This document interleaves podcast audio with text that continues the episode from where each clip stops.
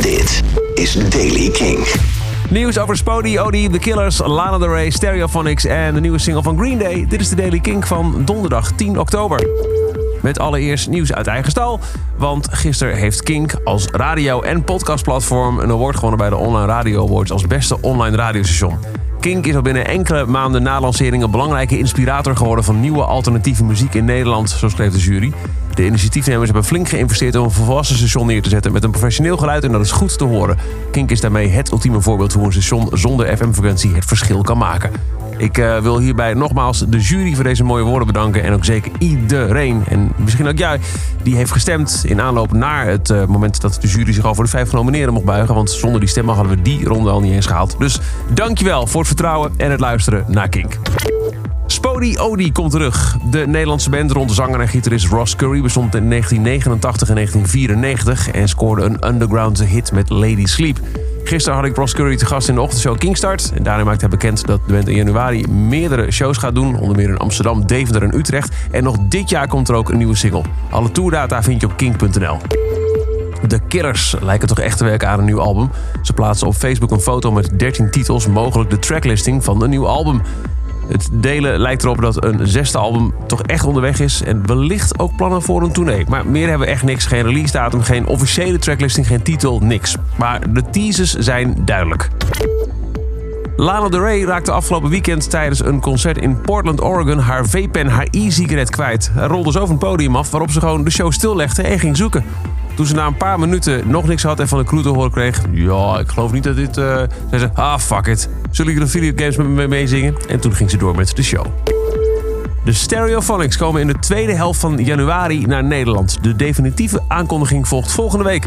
Dat verklapte zanger Kelly Jones in een gesprek met Kink. Well, it'll be in the last two weeks of January, I think.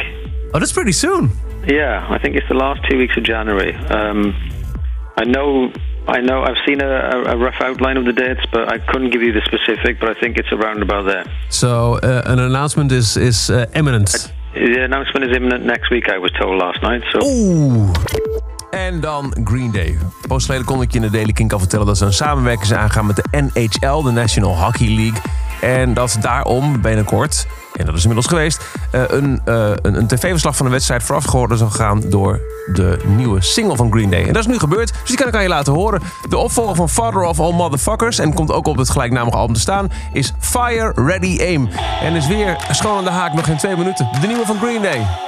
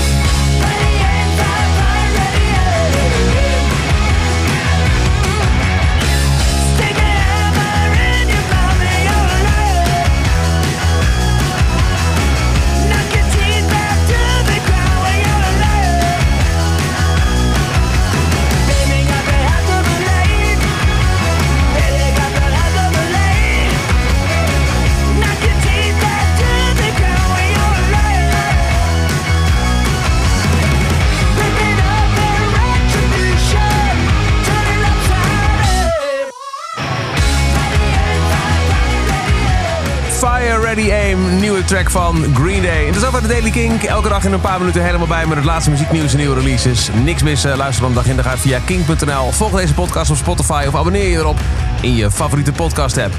Elke dag het laatste muzieknieuws en de belangrijkste releases in de Daily Kink. Check hem op kink.nl of vraag om Daily Kink aan je smart speaker.